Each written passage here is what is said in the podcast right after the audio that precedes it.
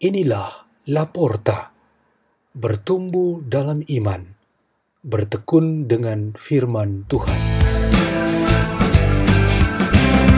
Dibawakan oleh Rosmari Devi Kristina Natalia dan Hari Wibowo Oktavianto dari Gereja Kalvari, Paroki Lubang Buaya, Keuskupan Agung Jakarta.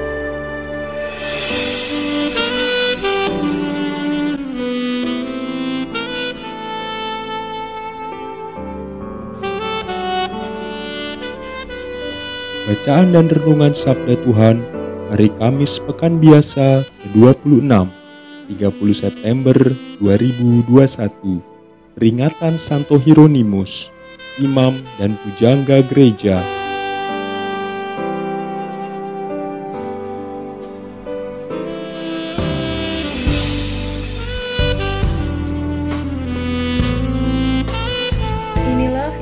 Tuhan kita Yesus Kristus menurut Lukas.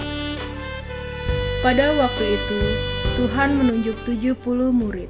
Ia mengutus mereka berdua-dua mendahuluinya ke setiap kota dan tempat yang hendak dikunjunginya. Berkatalah ia kepada mereka, Tuayan banyak, tetapi pekerjanya sedikit.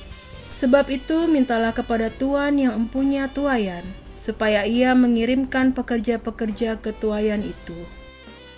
Pergilah, camkanlah. Aku mengutus kalian seperti anak domba ke tengah-tengah serigala.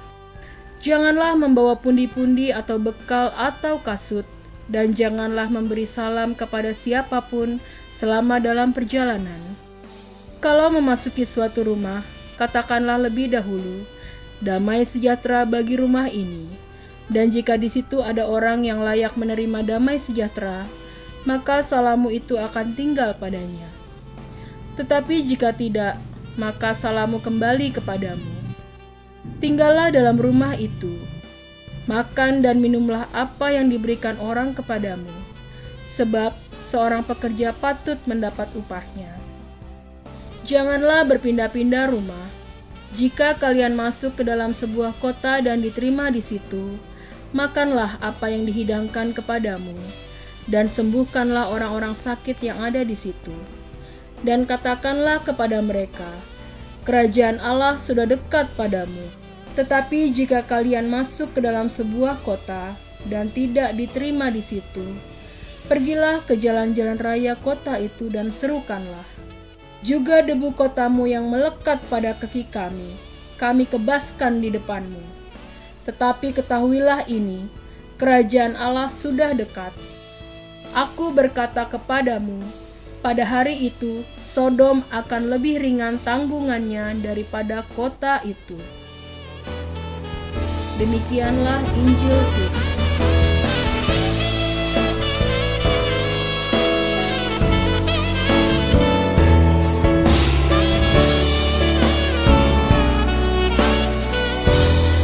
Renungan kita pada hari ini bertema sebagai pekerja dan sebagai tuayan.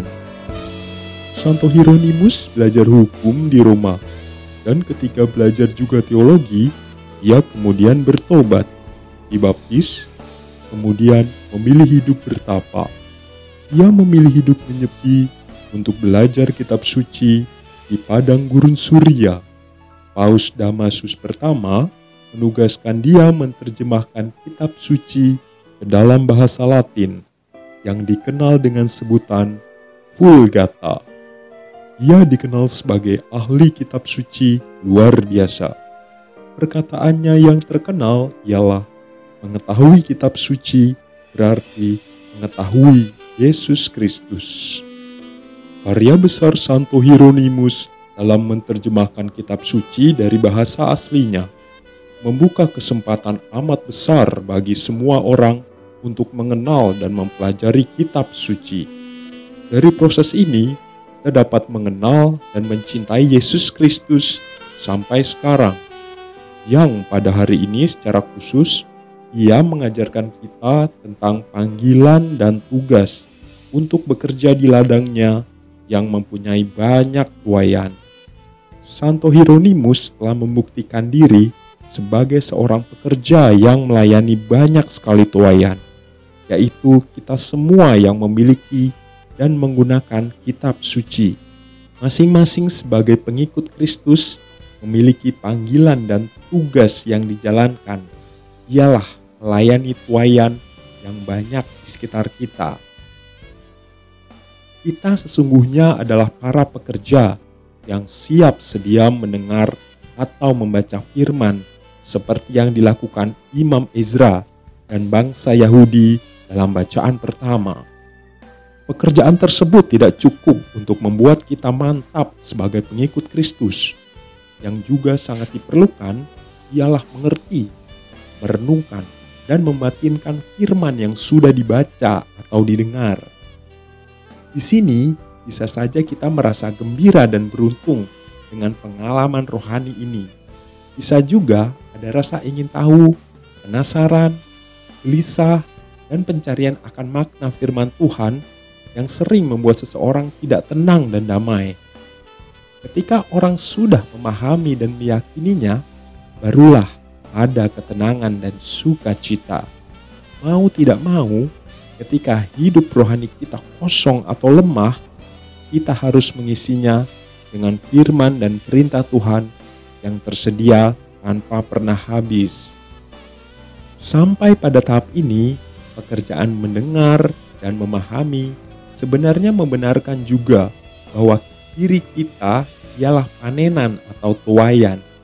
Sungguh indah dan bermakna pengalaman mendengar dan memahami itu. Rasa suka, patuh, hormat dan berdevosi untuk mendengar, kemudian sukacita, penghiburan, kekuatan, dan syukur karena pemahaman dan keyakinan. Semua ini ialah buah-buah rohani yang kita dapatkan. Tuayan menjadi semakin bertambah ketika banyak orang lain di sekitar kita dapat dipengaruhi secara baik dan benar untuk hidup dalam rahmat Tuhan.